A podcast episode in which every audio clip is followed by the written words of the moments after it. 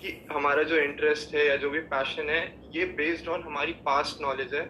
इसका मतलब हम अपना इंटरेस्ट किसी भी चीज़ में डेवलप कर सकते हैं। फॉर एग्ज़ाम्पल जैसे